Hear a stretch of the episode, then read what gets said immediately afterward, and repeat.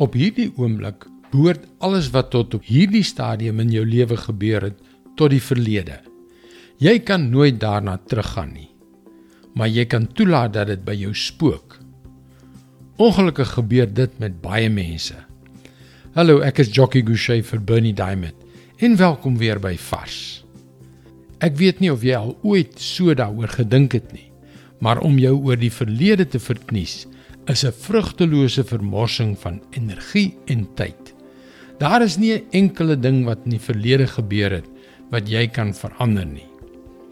Dan is daar diegene wat hulle nie oor die verlede nie, maar oor hul toekoms bekommer. En of jou bekommernis oor die verlede, die hede of die toekoms is, dit lê jou uiteindelik lam. Dit keer jou om die dinge wat jy moet doen te doen. Ja, dit verhoed dat jy die oorvloedige lewe wat Jesus vir jou kom gee het, ervaar. Nou ja, wat is die antwoord?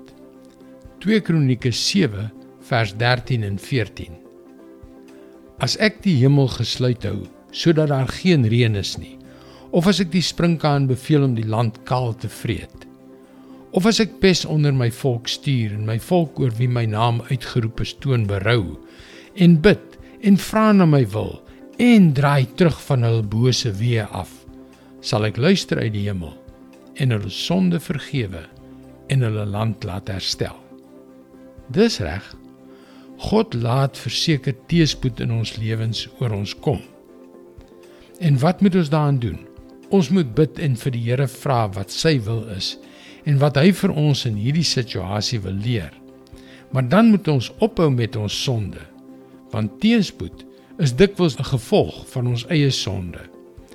'n Wyse persoon het eendag gesê: Bekommernis is 'n gesprek wat jy met jouself voer oor dinge wat jy nie kan verander nie. Gebed is 'n gesprek wat jy met God voer oor dinge wat net hy kan verander. Verneder jouself, bely jou sonde en bid en draai weg van jou godlose weë. God sal jou hoor. Dis sy woord vars vir jou vandag. Ons dink soms aan gebed as ons laaste uitweg. As alles anders misluk, dan bid ons. Maar dit is verkeerd want die enigste soort gebed waarvan die Bybel ons leer, is die soort wat kragtige resultate het. Ons sal baie graag saam met jou bid. Gaan gerus na powerfulprayer.org om jou gebedsversoek te deel. Mooi loop. En luister weer môre op jou gunstelingstasie na nog 'n vars boodskap.